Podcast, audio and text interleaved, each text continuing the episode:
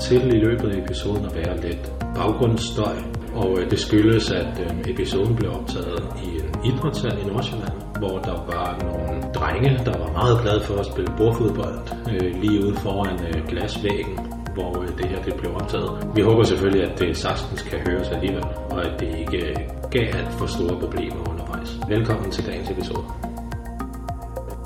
Dagens emne i podcasten hedder Den progressive linje, og øh, lidt senere så vil vi lige forklare, hvad det er, det går ud på. Så hvis der sidder nogen, der ikke lige kan dommersproget, så kan I lige få forklaret, hvad det er, det betyder. Men for nu, der vil jeg først præsentere dagens medvært, og øh, det er Morten Letan Albrechtsen. Letan Albrechtsen, Letan. men den accepterede. Ej, ja.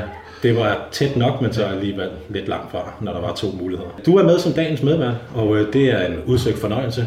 Vi to har snakket meget sammen rundt omkring i kortere eller længere tid, nogle gange i haller og på opstartsmøder og sådan nogle steder. Og, øh, og gøre det lidt mere organiseret, hvor vi begge to har haft mulighed for at forberede os lidt på et øh, forholdsvis nørdet emne. Det er en fornøjelse. Mm. Hvad er din... Øh,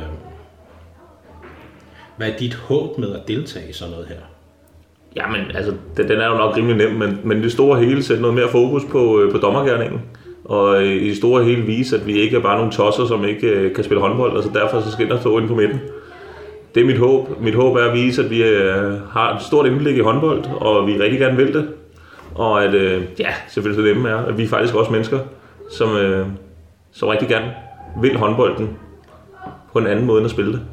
Fantastisk der vil nok allerede nu sidde nogen og sådan ryste en lille smule på hovedet og så tænke, men er de ikke bare tosser, der står inde på midten, fordi de ikke kan finde ud af at spille? Ja, der er jeg så glad for, at vi er to dommer, så vi skal jo ikke løbe ind på midten der. det er selvfølgelig rigtigt. øhm, hvor gammel er du?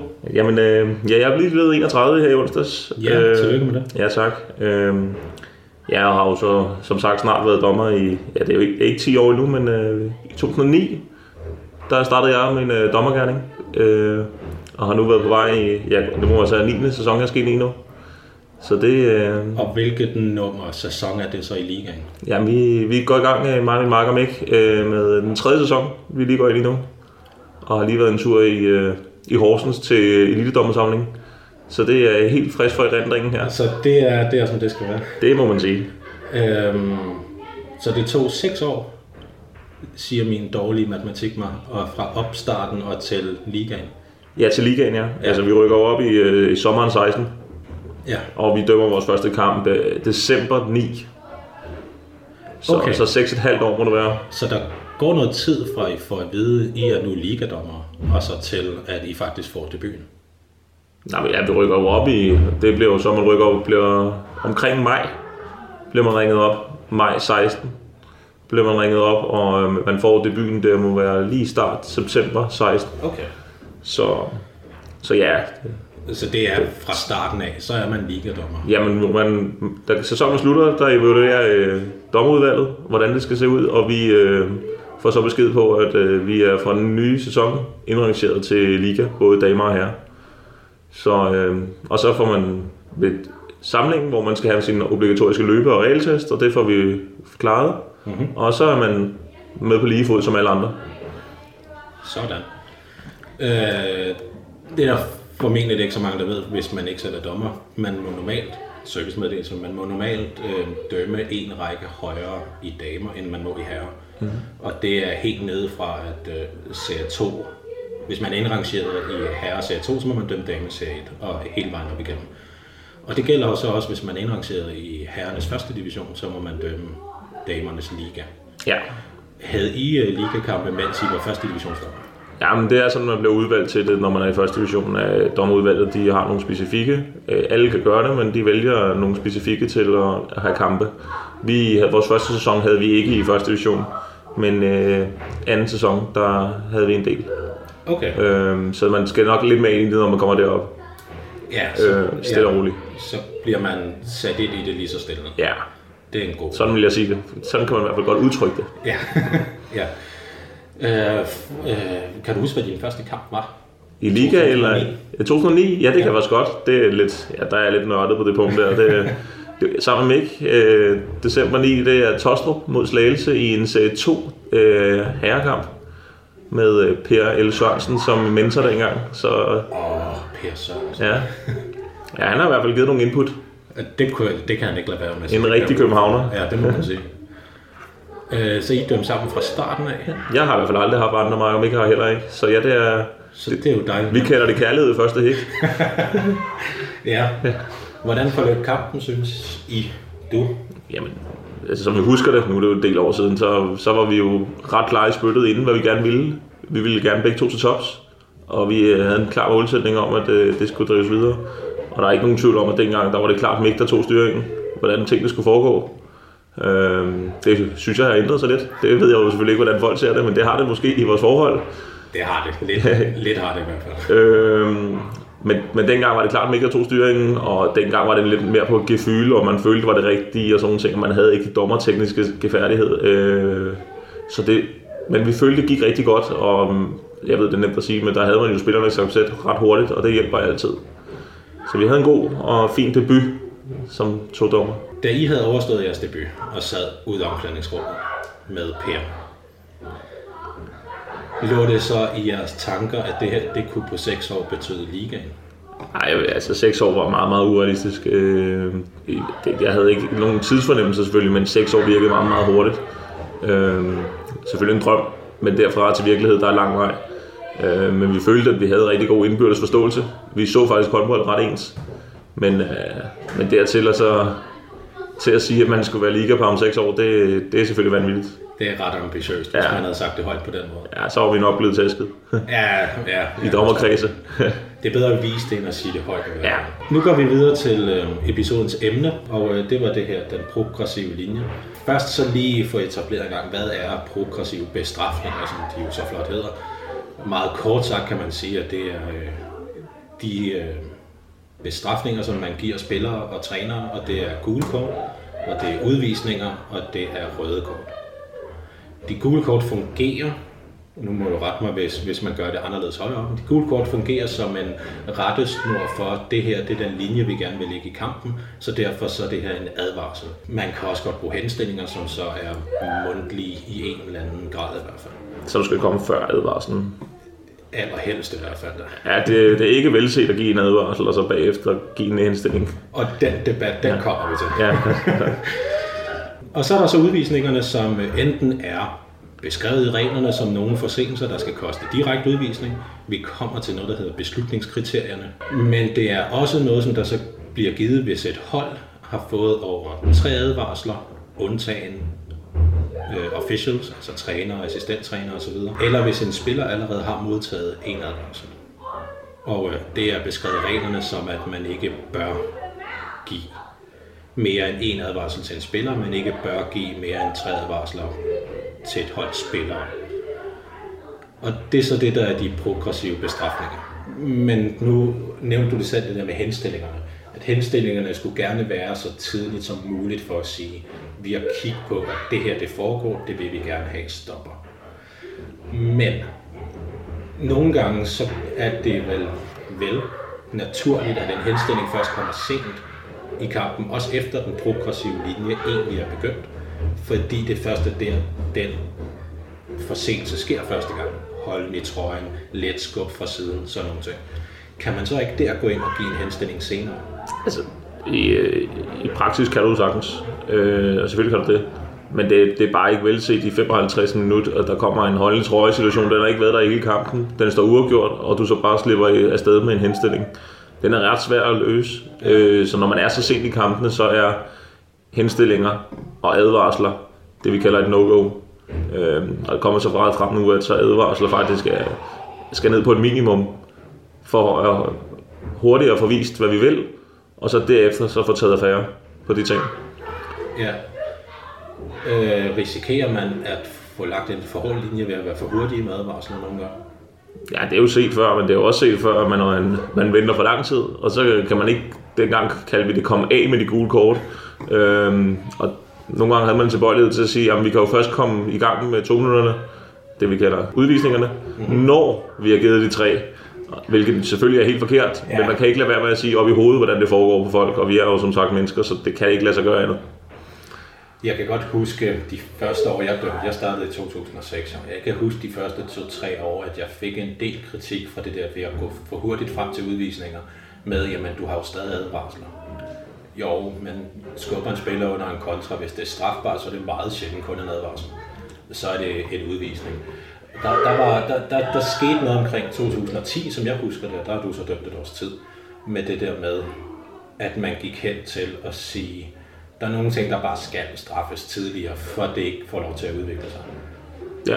Er, er det stadig det, vi så er i gang med nu, otte år senere, Ja, det må- 2010 i hvert fald, at udvikle på? Jamen, vi er jo stadig i gang, og jeg, jeg ved, at det er, vi bliver aflevet på det i eliterækkerne, og derfra skal det jo så til, øh, videre ned i, gennem systemet.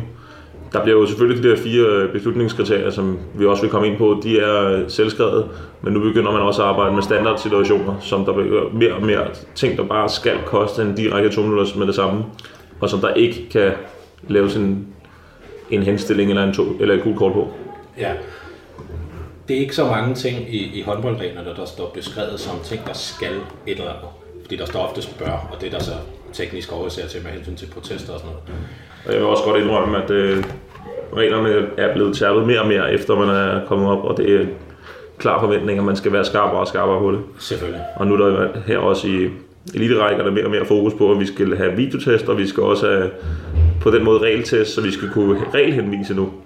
Øh, så vi skal kunne henvise til reglerne i testene. I kampen? Nej, i test. Ah, okay. I Så, så der bliver mere og mere fokus på, at vi skal kunne reglerne meget, meget mere øh, skarpt, end vi har kunnet hidtil. Okay. Ligger det frem til, at det øh, bliver standard, når man skal kunne det, eller er det stadig kun i regeltest, så det forventes? Nej, det tror jeg kun, det er rigtigt til at forvente for mig. Jeg tror ikke, jeg har en forventning om, at man skal kunne det i pressede situationer endnu. Jeg ved ikke, hvordan det kommer til at foregå. øh, De ting, der er nok lidt længere frem i tiden. Men øh, det er forventet, at vi, at vi, at vi skal være skarpere til reglerne, simpelthen. At det, vi går ud og gør på banen, det står faktisk i reglerne. At vi forvalter håndboldloven øh, meget mere, end vi har måske har gjort før. At vi, at vi bliver lidt mere teoretikere. Det skal vi i hvert fald være.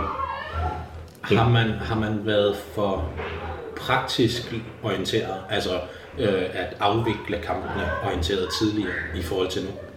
Altså, jeg kan i hvert fald ikke se mig fri for at sige, at det, jeg har været meget praktisk. Hvor, hvor man godt vil, ej, kunne man gøre begge hold tilfredse, og man, det, noget af det bedste dengang, det var jo, det er jo stadig en fed følelse, men når, når, når begge hold eller trænere siger, kæft, det var godt dømt, uanfægtet om de har tabt eller vundet, det er jo selvfølgelig en fed følelse. Men, men det er bare ikke målsætningen, det må man bare acceptere, og det har jeg også ved at indse, at det, man skal ikke acceptere bare at sige, at begge hold skal synes, at man har været god. Du skal have gjort det rigtige. Du skal følge håndboldreglerne. Og du skal ikke være, du behøver ikke at være ven med alle, du behøver ikke at være den søde dreng i klassen.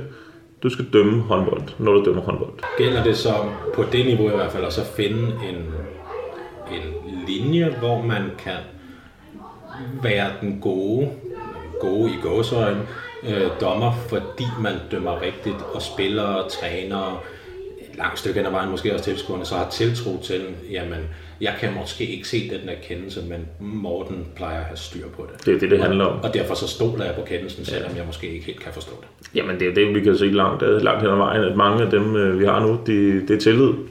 At øh, nogen øh, har meget mere tillid, på grund af, at de har vist, at de kan deres shit. At de har styr på de ting, at de har styr på deres regler, de har styr på, hvordan man afvikler en kamp. Det giver tillid, det giver lige en, to, tre, fli- fire, måske fem kendelser, hvor de kan tillade sig at lave fejl, og sige, at jeg har ikke set det, eller jeg eller faktisk ikke har kigget det rigtige sted hen. Og det giver bare det der med, at det accepterer de. Så det er helt klart sådan nogle ting der, selvfølgelig er det det. Og så er vi ude i det der med at gøre dommerne som mere mennesker øh, inden i kampens sidde i folks bevidsthed, uanset om man spiller eller om man kigger på, hvad der er, der foregår. Det der med, at en dommer går ud og siger, du har sikkert ret, men jeg kunne ikke se det fra den vinkel, jeg stod i, eller jeg kiggede på noget andet, fordi jeg, jeg troede, det ville være vigtigt i stedet for. Øh, hvordan er accepten for, når man kommer med sådan nogle undskyldninger i kampens hede? Hvordan er accepten så fra spillere og trænere, når man er lidt etableret, som, som EU så er efterhånden? Ja, altså der, der vil jeg sige, den, den er til stede. Øh, men igen, den er til stede, hvis du så gør det næste gang. Altså holder øje med de ting, tjekker ting og øh, har styr på det. Du kan ikke stå og sige, at jeg kigger på det, og så de opdager næste gang, at du har jo ikke styr på det sted der, hvor du vil aftale lige før, eller han har bedt dig om, kan du ikke lige holde øje med, om der bliver skubbet herinde, og du så ikke kigger derhen. Øh, har du ikke styr på de ting der, så mister du bare meget hurtigt din tillid. hvis, hvis vi har de ting der med, at der er en skub i ryggen på en spiller, og altså, det, det, det skal koste, og du bare siger, jeg så det ikke, og det sker igen lige bagefter, så mister du bare lynhurtigt tilliden, og så kan du være nok så god dommer. Ja, så det er jo lidt underordnet. Hvis, hvis spillere og træner ikke øh, stoler på, hvad det er, man laver, så, så taber man, uanset om man dømmer rigtigt eller forkert. Og så får du ret hurtigt hele halen på nakken. Det, ja, øh, nu er det sjældent, at jeg dømmer i haller med over, lad os sige, 50 tilskuere. Men øh, selv 50 tilskuere inde på Nørrebro kan også godt lave noget larm, skulle jeg hilse at sige. Ja, vi, eller stadion, vi kender mange steder. Ja, ja, ja stadion, dem havde jeg lige glemt. Det er rigtigt. Stadion, de kan også godt lave larm. De her beslutningskriterier, som vi dommer, vi snakker om, både under kampene, men også uden for øh, de to gange 30 minutter i hvert fald. Skal vi ikke lige prøve at gennemgå dem, hvad det er, teorien først siger om dem? Jo. Og det, som øh, beslutningskriterierne er skrevet til, det er at øh, give en vurdering af, hvilken form for personlig straf, som er den her progressiv bestrafning, der er passende ved bestemte forseelser. Der anvendes så følgende beslutningskriterier, øh, og de kan så benyttes i kombination, alt efter hvad der er relevant i den enkelte situation.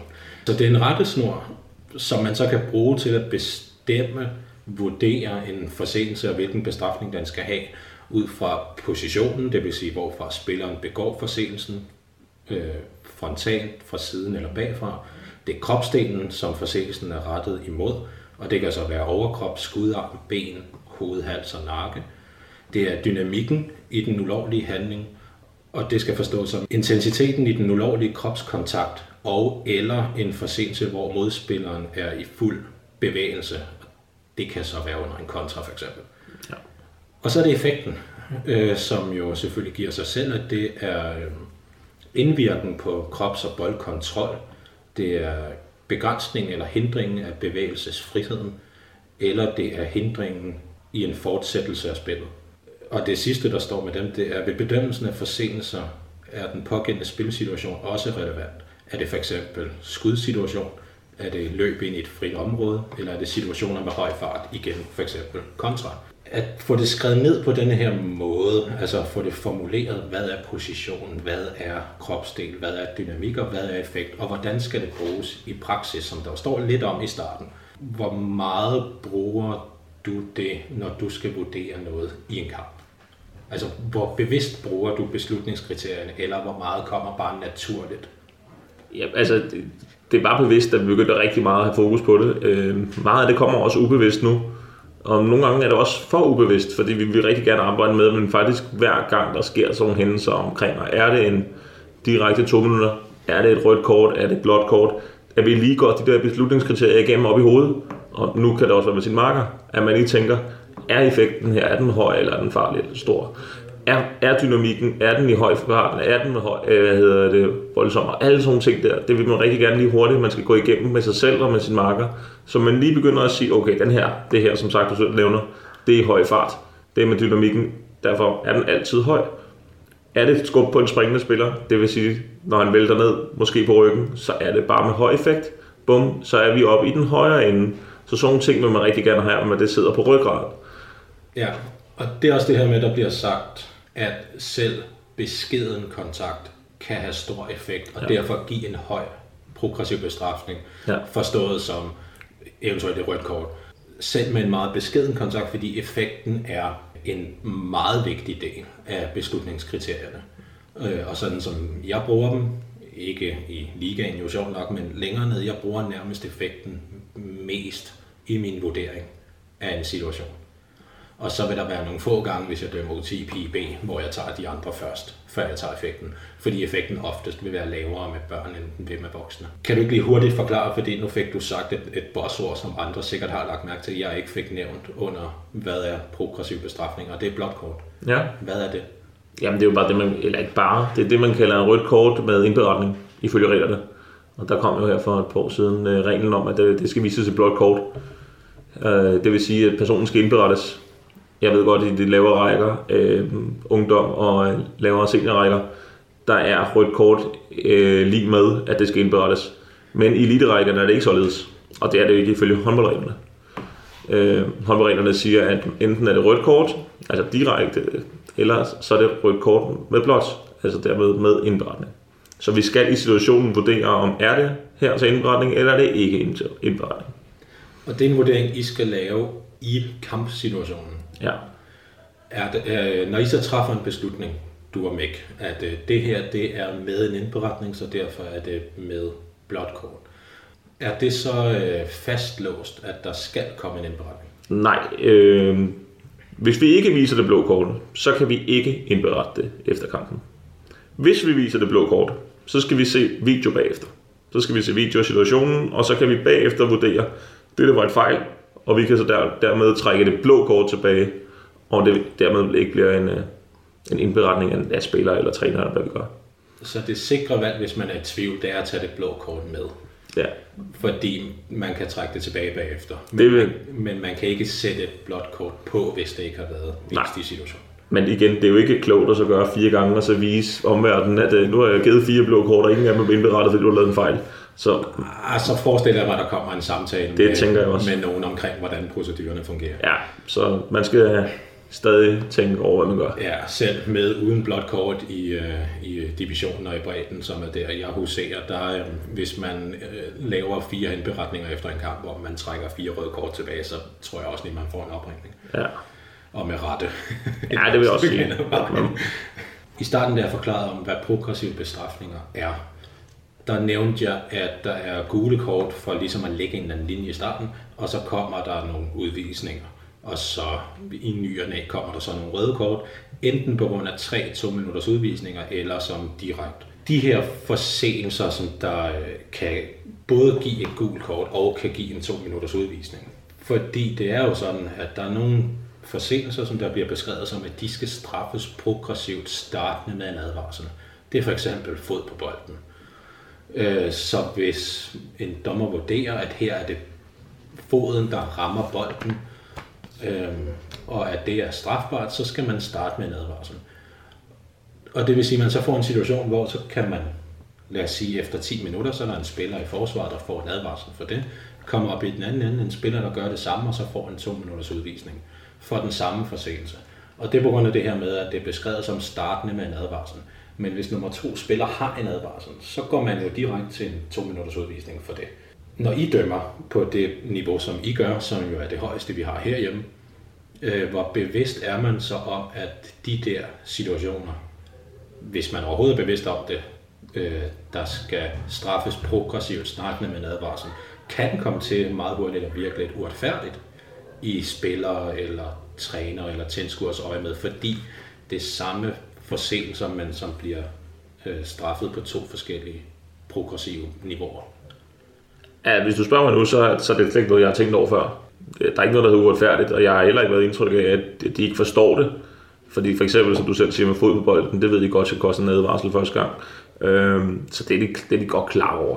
Og det er ikke noget, jeg har indset eller hørt som et problem. Okay. Øhm, men, men det er jo desværre, ikke desværre skulle jeg sige, det er jo ikke noget, der sker så tit at få givet en øh, fod på bolden. Ej, det er Øh, det, er, det er ikke øh, for eksempel det, øh, særlig ofte. Nej, så okay. Øhm, så det er altså ikke noget, øh, som der er et, øh, et issue normalt op i de rækker der. Det er ikke noget, vi er, jeg, jeg i hvert fald har tænkt over, hvis du spørger mig lige ude nu.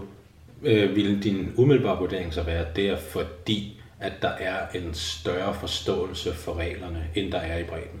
Ja, det, det, det jeg vil lyve, hvis jeg sagde andet, og jeg vil rigtig gerne have, at jeg sagde det andet. Øh, det er klart, at øh, der, de forstår det meget mere. Øh, men det er jo klart, at de bruger måske 5-6 gange om ugen bare på træning. De ser håndbold, de ser deres modstandere øh, både live og på, hvad hedder det, på nettet. Og de analyserer meget mere, så det er klart, at de har en forståelse, som, som man ikke kan forvente af en breddespiller. Ikke derimod, at der ikke er nogen breddespillere, som ikke har, har forstyr på det, for det er der, der helt givet masser, der har. Men ja, de ved, de ved en del. Og det er det her med, at det er deres, for absolut flest af dem på det niveau, i hvert fald, det er deres fuldtidsarbejde. Så der er vel også en forventning som dommer, øh, når man kommer ud og ligesom siger, okay, du arbejder med det her til dagligt. Du forventer en hel masse af mig i forhold til, at jeg skal træffe beslutninger i kampens side, men jeg forventer altså også nogle ting af dig, så når du arbejder med det her til dagligt. Er det øh, noget, der øh, findes på den måde, eller er det bare noget, der er usagt, og sådan er det bare?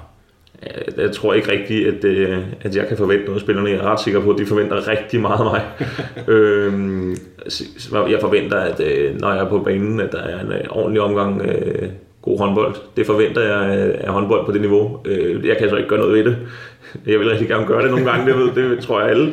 Men nej, spil til side. Jeg forventer helt klart, at når man er på banen, at, at det foregår en ordentlig tone. Selvfølgelig kan man godt øh, have nogle udbrud, og man kan godt være lidt øh, træt af en dommer øh, i, i situationer. Men øh, man kan det mindste snakke ordentligt, og man kan i hvert fald godt forvente, at, øh, at det, der foregår derinde, det er med, øh, med spillet og med fair play i, i hovedet. Øh, uanset om dommeren eller jeg har været en, en tosse i en enkelt situation, eller ikke har været en tosse. Det sker også nogle gange, at jeg faktisk har ret. Så øh, jeg forventer klart, at, at, at, vi, at spillerne og trænerne også øh, tænker på, at vi også er mennesker. Og det, det har jeg også indtryk af, at vi bliver øh, mødt med overalt.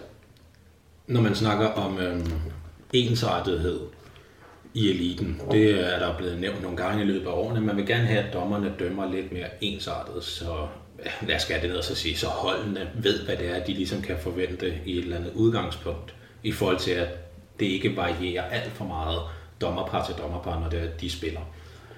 Øh, og det er jo det her med at fortolke reglerne og bruge dem i praksis og sådan nogle ting. At der kan godt være, selvfølgelig kan der være det, fordi det er mennesker, der træffer beslutningerne. Der er lidt forskel fra dommer til dommer. Øh, og også nogle gange internt i dommerparerne. Nu nævnte du i starten, at øh, der i starten var stor forskel på dig og Mick i, i hvem der ligesom styrede kampen, hvem der tog tæten i forhold til at lægge linjen og sådan nogle ting. Og det er jo så blevet udjævnet over tid på grund af erfaring og sådan nogle ting. Selvtillid. Og selvtillid, som også er en vigtig del. Det må du ikke glemme. Teorien er en ting, det er de der ord på et stykke papir, som der vi læser, og så skal vi ud og fortolke det i, øh, i øh, praksis. Det vil sige, at vi skal omdanne noget, der står på papir, til noget, der så foregår i spilsituationer inde på en bane i høj fart med nogle gange en helt masse larm omkring sig.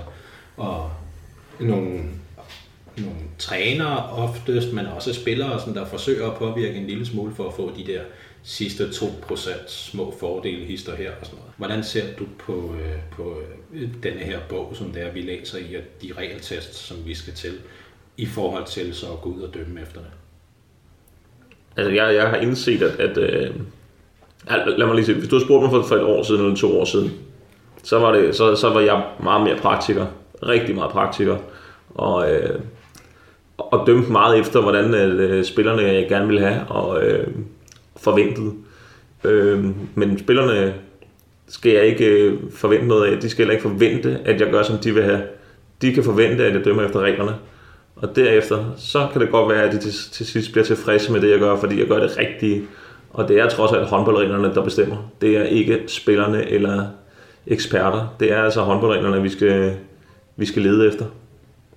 Det er lidt mere kontant, end jeg har hørt dig sige tidligere i hvert fald. Vi har ikke haft denne her snak her så eksplicit før måske, men vi har da snakket om teori kontra praksis nogle gange i løbet af årene.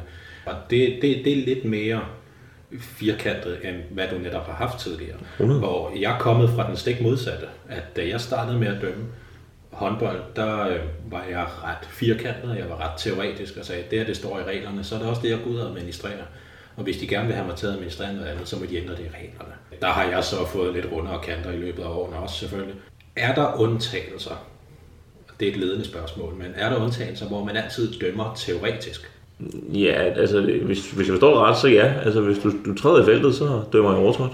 Øh, det står der i reglerne. Det kan jeg jo ikke sige andet end, at øh, ja. øh, skubber du fra siden med, med, med strækte arme, det står i reglerne, så skal det koste. Så ja, det, det er klart. Øh, hvorimod en gang imellem, der, der, da jeg var yngre, lad os sige det sådan, der øh, kunne jeg godt øh, lide, at kampene øh, kom ud, og den, der ikke var særlig mange udvisninger, og det var et mål, at ej, der skal ikke så mange øh, udvisninger, begge hold skal være tilfredse. Øh, det, var, det var klart vigtigt for mig, og, og begge hold skulle føle bagefter, at jeg, jeg havde lyst til det her, og jeg var, jeg var god, fordi ej, de fik lov til at gå til den og sådan nogle ting der. Men de kan stadig godt få lov til at gå til den, bare det blev færre midler. Og det er jo sådan nogle ting, der man, jeg har indset, og jeg skal stadig blive ved med at arbejde med. Øhm, så jeg bliver endnu mere teoretiker end praktiker. Øhm, og det tror jeg på, øh, jeg nok skal blive. Og vi som par skal blive. Det, det er meget spændende, det der, synes jeg, og det kan jo nærmest være en episode i sig selv, det der med teori kontra praksis. Øhm, vi skal sådan lige inddæmme, inddæmme det en lille smule. Er der steder, hvor at i som makkerpar, øh, du og Mick, som udgangspunkt i hvert fald ikke dømmer teoretisk, men, men simpelthen dømmer praktisk af hensyn til afvikling, eller hvad man nu lægger det på. Uha, den, er, den, den kan også være farlig, den her, men det, det er ikke noget, jeg har tænkt over, at jeg dømmer i praksis. Øh, altså nogle gange, når man ikke ser det, så, så, så kan man jo godt lade, øh, okay, det her det ser voldsomt ud, øh, det her det ser åndssvagt ud, vil han falde sådan der, hvis han ikke var blevet skubbet, så kan man jo ikke lade være med op i hovedet og tænke på, her der må være et eller andet. Øh, og det er jo meget praktisk anlæggende at sige, jeg har ikke set det, men ja, det her, det, man falder altså ikke ned på ryggen sådan her, uden at blive rørt.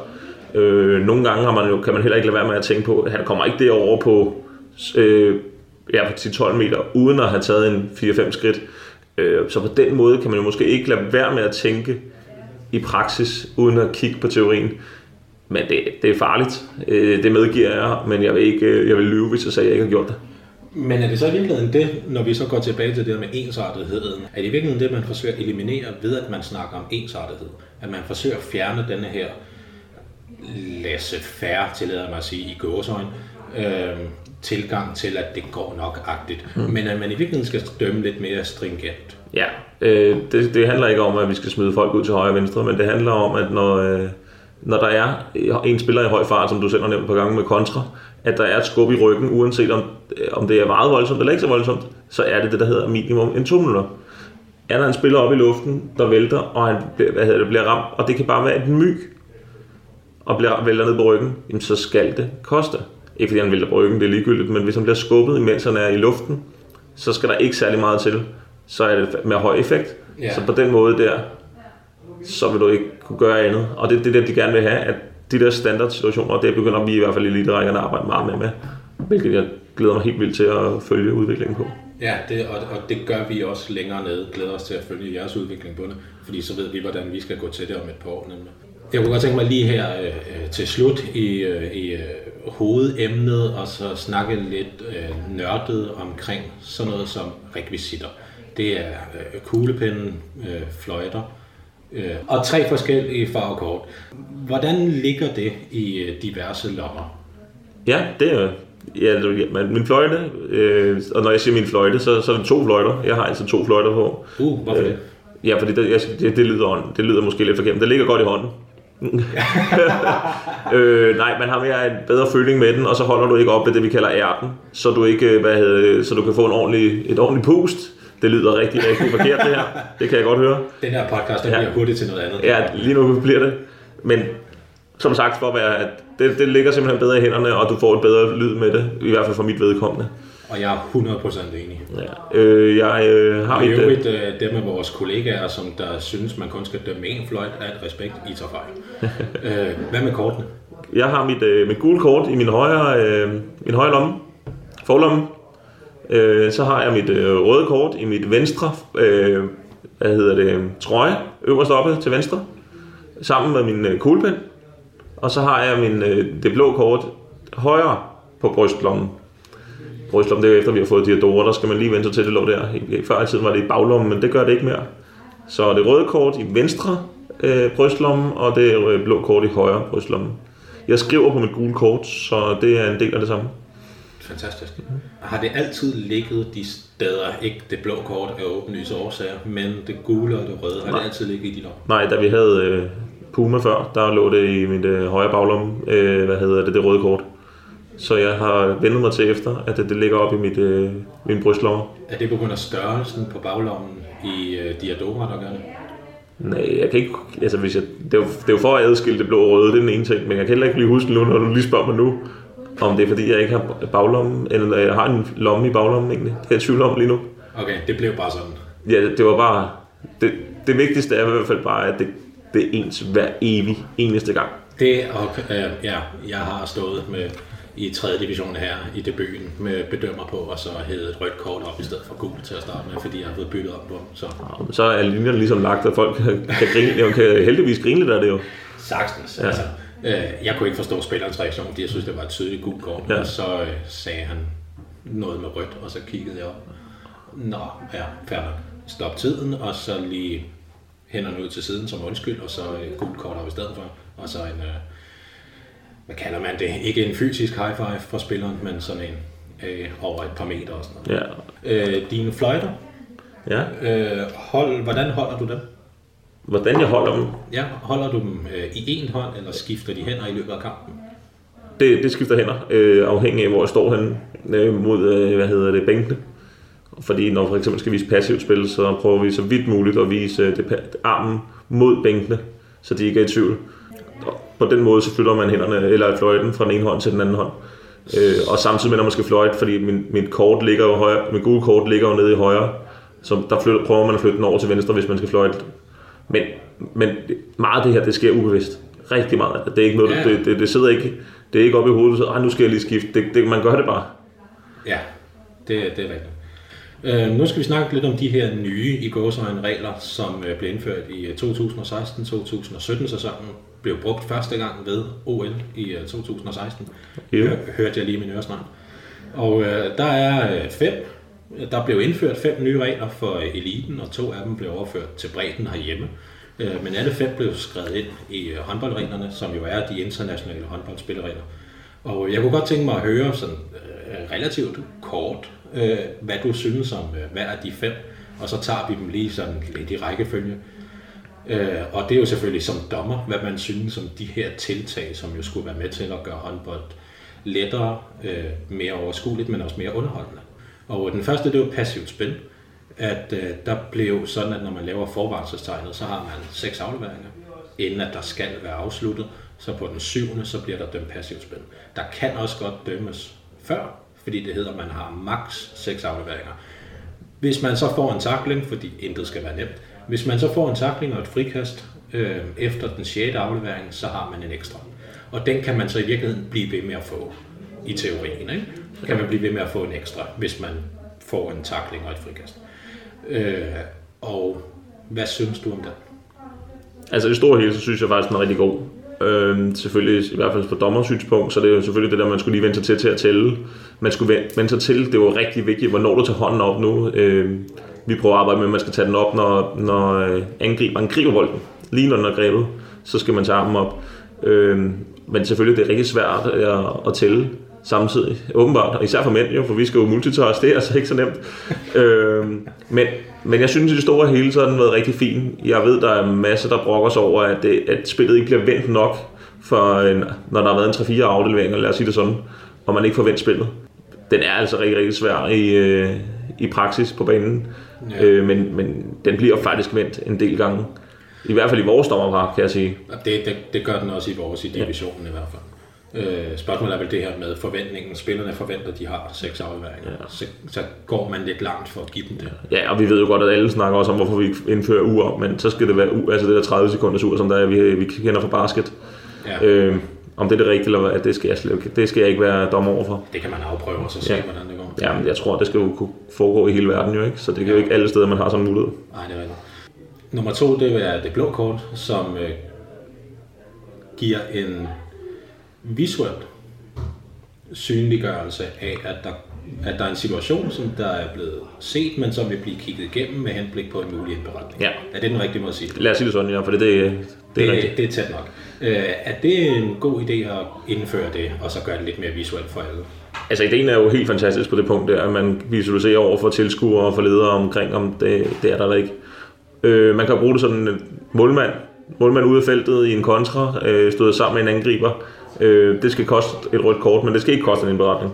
Øh, nu øh, ved man det, eller jeg siger, burde spillerne vide det, det er ikke alt det. De spørger stort, set stadig.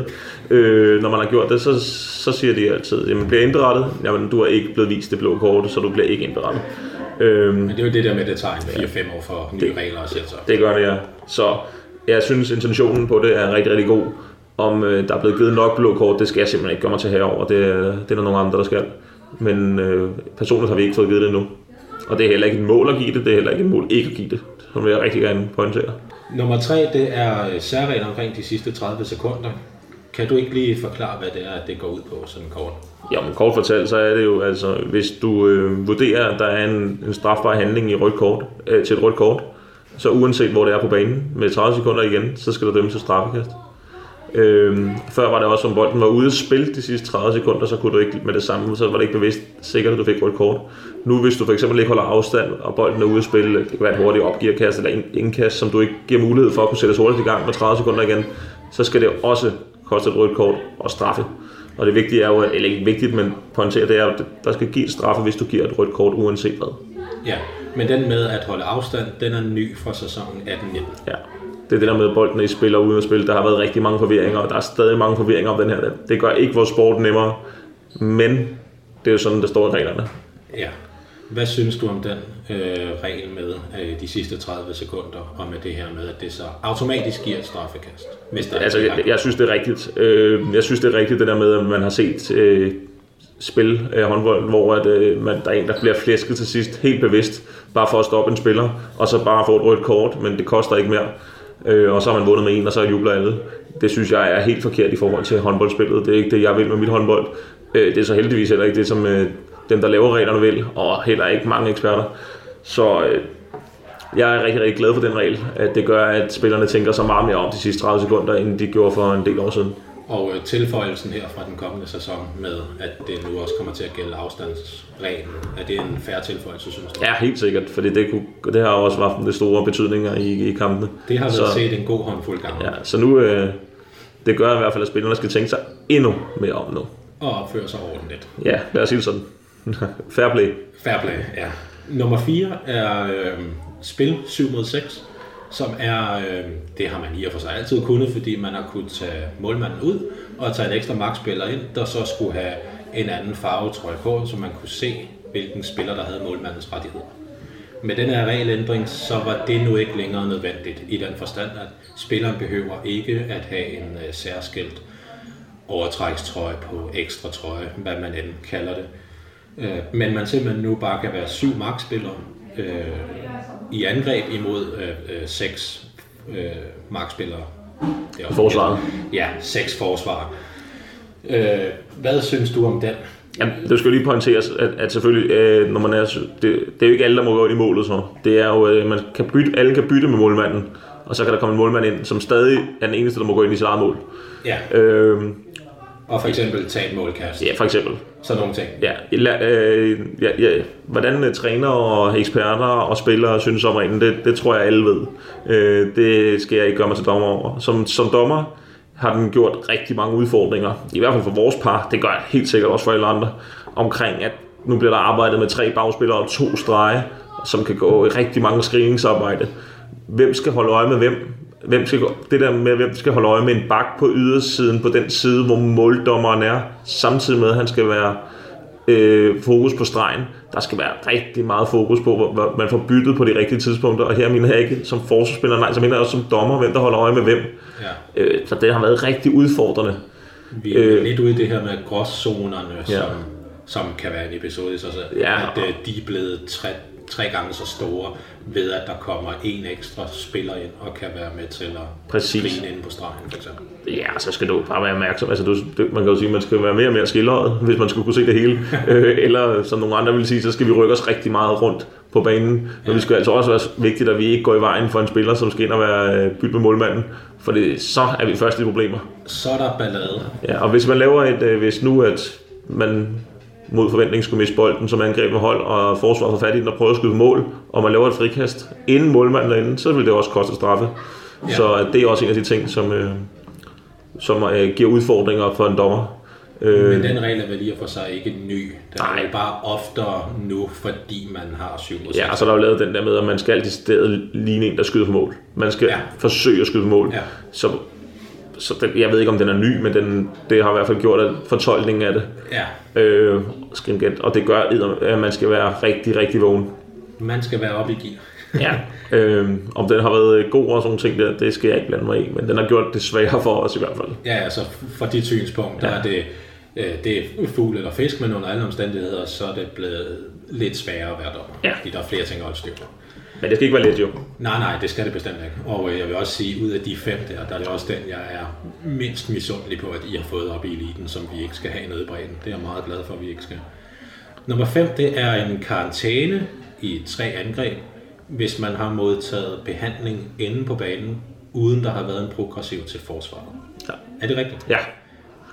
Øh, først så vil jeg gerne lige spørge, før, før jeg spørger, hvad du synes om den, så vil jeg gerne høre, var den relevant før? Ja, det må man sige. Øh, Måske ikke så meget i Danmark. Altså, vi har stadig spillere, som er tilbøjelig til at lægge sig ned hurtigere. Ja.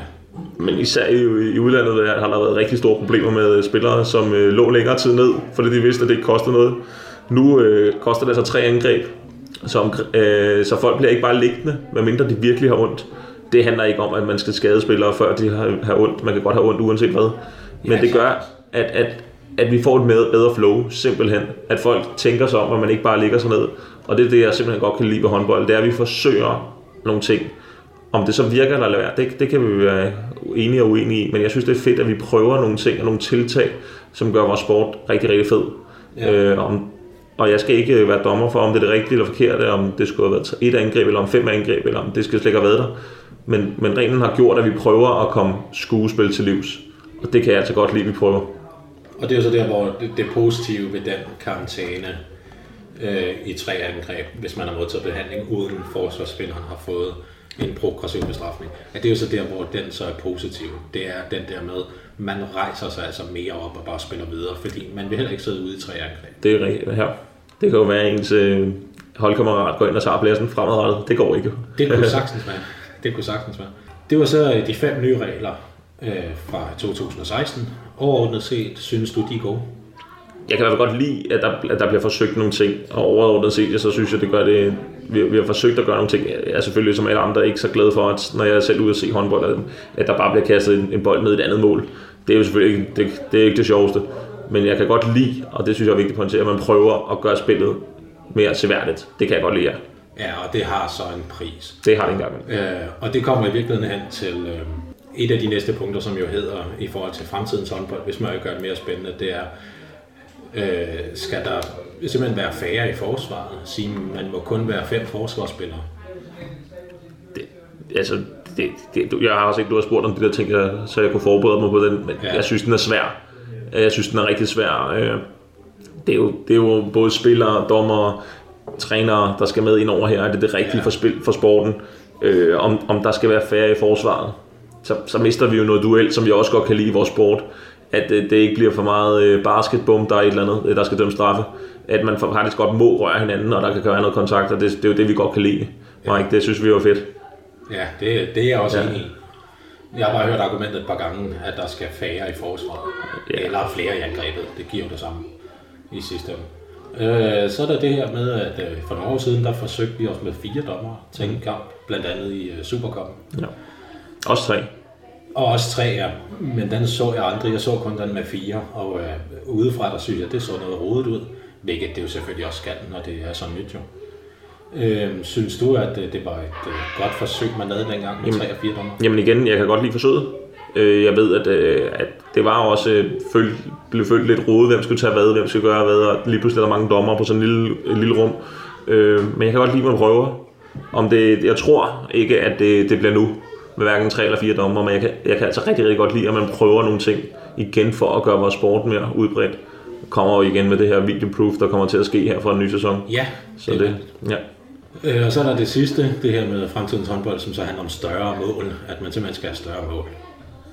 Ja, men det, fysiske. Lige nu er de jo to gange 3 meter. Ja. Og man kunne så for eksempel lave 3 gange 4 eller sådan noget den sten. Jeg tror, ja, det, det, puha. Jamen, jeg tænker, at nogle kampe kan jo ende 35-35, vil vi op og spille 50-50. Ja, øh, det, nej, det, jeg, lige nu, øh, der, der tænker jeg, at målet er det rigtige. Øh, den rigtige størrelse. Det er et andet sted, man skal sætte ind. Ja, men jeg, jeg, jeg synes heller ikke, at man, man skal sætte ind for at sætte ind med det samme, hvis der ikke er noget problem. Jeg vil godt lide, at vi udfordrer reglerne øh, på sigt og prøver at forbedre vores sport, men jeg, vi skal jo ikke bare gøre noget bare for at gøre noget. Og der tænker jeg i hvert fald ikke, hvis du spørger mig nu, at målet er det rigtige. Nu er vi nået til et punkt, der hedder de hurtige, og øh, det er ment som øh, en, der skal være sådan forholdsvis hurtig i øh, spyttet. Nå, så skal jeg nok gå her. Jeg er ikke særlig hurtig. Du er hurtigere, end jeg er til de der ting, altså det er helt fint. Men hvis du skulle komme med et, et råd til nye dommer i forhold til at starte op på dommergærningen, hvad ville det så være? Ja, altså jeg har to råd. Det ene råd, det må være, at man skal planlægge sin tid, når man er dommer. Altså det, der, hvis man vil noget, også bare komme lidt højere op, og det er ikke fordi, det skal være et mål i sig selv, men man skal kunne planlægge, og man skal prioritere, at man ikke kun kan dømme en gang om ugen. Altså, og det kommer også frem til mit råd nummer et, eller nummer to, det er, at man skal ville det.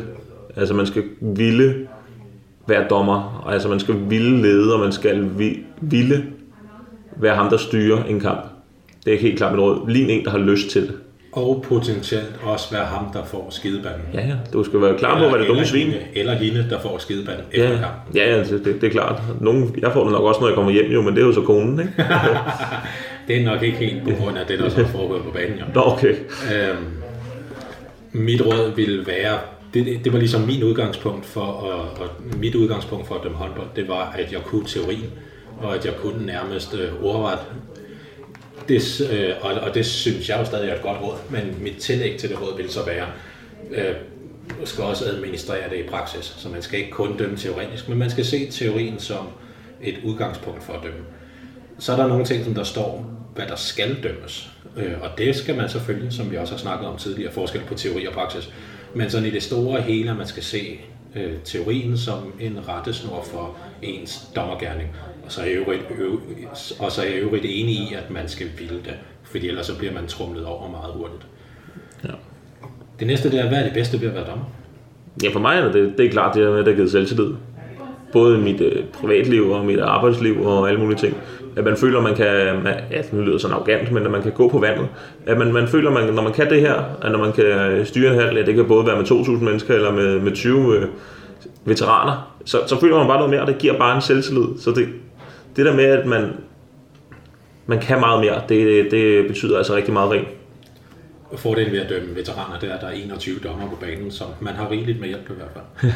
For mig, der er øh, det bedste ved at være dommer, det er den der kamp i ny og næ, hvor man kommer ud bagefter og har så meget adrenalin i kroppen, fordi begge hold har været med på præmissen, vi skal spille håndbold i dag. Vi skal gå til den, men vi skal spille ordentligt, vi skal spille færre, hjælper hinanden op, sådan nogle ting, men man klapper til hinanden færre, men hårdt, øh, og at alle ligesom, inklusiv mig som dommer, eventuelt min marker for dagen, også er med på præmissen om, at de skal have lov til det.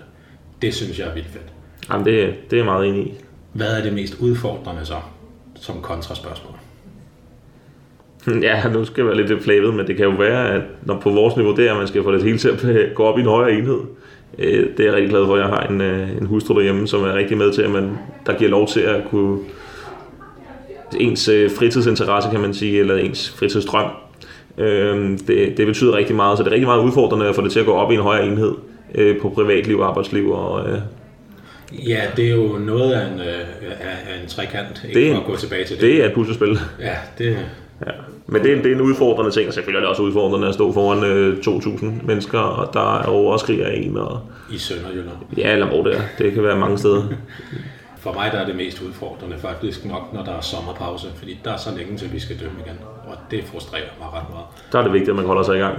Jeg prøver at lægge Ja. i løbet af sommerferierne og dømme to-tre stævner i løbet af hver sommerferie.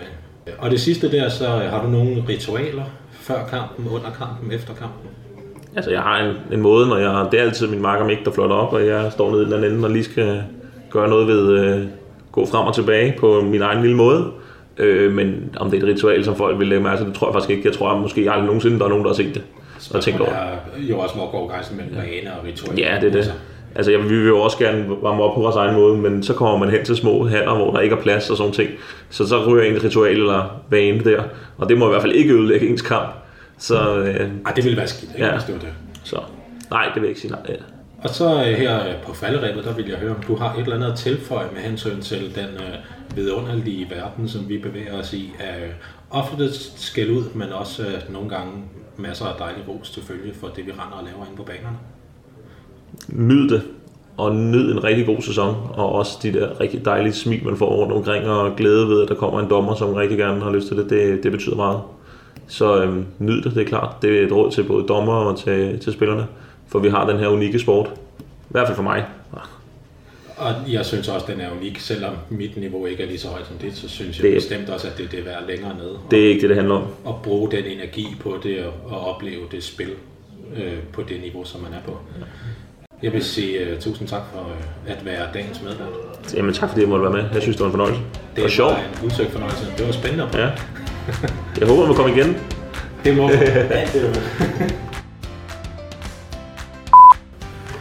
Lidt firkantet sagt. Nu har jeg selvfølgelig glemt min pointe. Det var det irriterende. Jeg er sikker på, at den var god. Ja, det var uden tvivl. øhm, nej, det er det ikke. Sådan er det. Men det var noget med ensartethed og sådan noget. Det er ikke relevant sikkert.